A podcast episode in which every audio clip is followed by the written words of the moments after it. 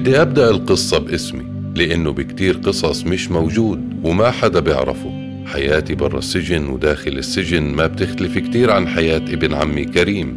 ربينا مع بعض برا السجن وجواته ولما قاومنا المحتل قاومناه مع بعض ولما خطفنا الجندي وقتلناه كنا مع بعض. لكن الفرق 14 يوم. اعتقلوه قبل 14 يوم وتحقق معنا وتعذبنا.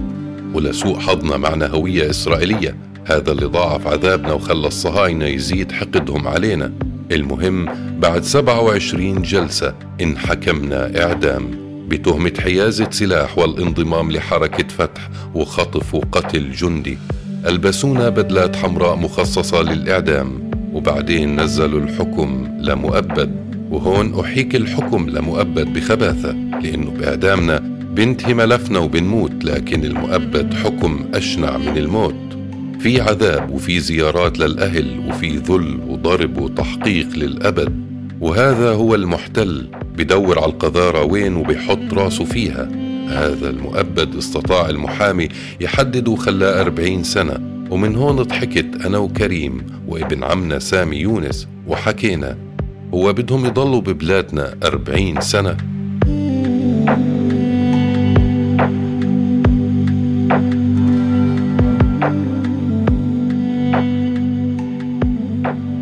سامي كان معنا يمكن ما انذكر بقصصنا لأنه طلع بصفقة وفاء الأحرار وتوفى بعد أربع سنين رحمة الله عليه. بلشت الأيام تمشي يوم بيوم والحال زي ما هو والوضع سيء. بلشنا بالإضرابات وبلشت قضية الأسرى تطلع خارج حدود فلسطين والناس صارت تسمع فيها وبلشنا ننتزع حقوقنا. أنا عن نفسي كملت علوم سياسية وأسرى ثانيين كملوا تعليم دخلنا على السجن كل النواقص وكل شيء دفعنا ثمنه. من متكة الدخان لحد الشهادة اللي بنبروزها.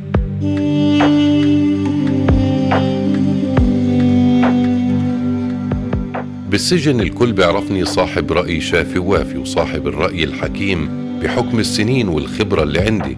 يعني بدون مبالغة أنا خبير بالفكر الصهيوني على مستوى السجون. وبقدر أعرف شو بفكر الجندي. بتذكر مرة الأسرى حكوا إنه أعضاء الكنيسة زاروهم وسلموا عليهم بأطراف أصابعهم من الشبك. أنا ضحكت وحكيت. هذول جايين يتفحصوا الشبك أمنيا وبالفعل بعد فترة تغيرت كل الشباك بالسجون وانحط زجاج عازل وتليفونات. غير هيك السجن معاناة كبيرة ومؤلم جدا وبتكتسب منه خبرة بالألم. أنا فقدت أبوي سنة 2008 وما قدرت أودعه. يعني ألمك هالمحتل ما بخليك تعيشه. وسنة 2013 كان في أربع دفعات للإفراج عن الأسرى وأنا بالدفعة الرابعة خلص مروح. طلعنا على الباص وبآخر اللحظات نزلنا وقتلوا فرحتنا الكبيرة. لكن الحمد لله إحنا صامدين وثابتين ومش ندمانين. وحولنا السجون لمدارس نضالية ولمعتقلات نضالية. واللي مصبرنا كأسرى إنه إحنا بنعتبر حالنا خط من خطوط الدفاع الأولى عن القضية ومعتبرين حالنا بمعركة. هاي المعركة فيها جانب نفسي مش لازم تخسره لأنه إذا بتخسره بتكون خسرت نصف المعركة. السجن أسوأ اختراع عمله الإنسان زي ما حكى أخوي وليد دقة والأسوأ منه اختراع فكرة العدد. كل يوم ثلاث مرات أو أربعة فكرت كثير شو الفكرة منه ما لقيت إلا رسالة بسيطة إنه أنت هون بالسجن رقم. بدون اسم ولا عائلة ولا اسم أب بيتبع اسمك ولا اسم ابن قبل اسمك. العدد بالسجن أسوأ شيء بالنسبة إلي. عبارة عن رصاصة بتقتلك وبتخليك عايش. اليوم أنا خلصت أربعين سنة بالسجن يعني أربعة ألف وستمائة يوم بالسجن. وقفت فيهم خمسين ألف مرة للعدد أربعين سنة فيهم أربعين رمضان وثمانين عيد بدون أهل. أهل اللي ما بعرفهم الأحفاد أمي وولاد إخواني ما بعرفهم. أصلا لأنه ممنوع يزوروني. راح يسلموا علي ويحكوا لي أنت ماهر يا خال. وهيك بعرفهم. أربعين سنة عديتهم يوم بيوم وصمدت فيهم صمود أسطوري وسيطرت فيهم على السجن والسجان راح أطلع من السجن وأركض وأسبح وألعب كرة قدم.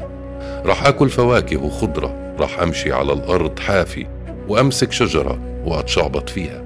راح أعمل كتير شغلات ما عملتها من أربعين سنة.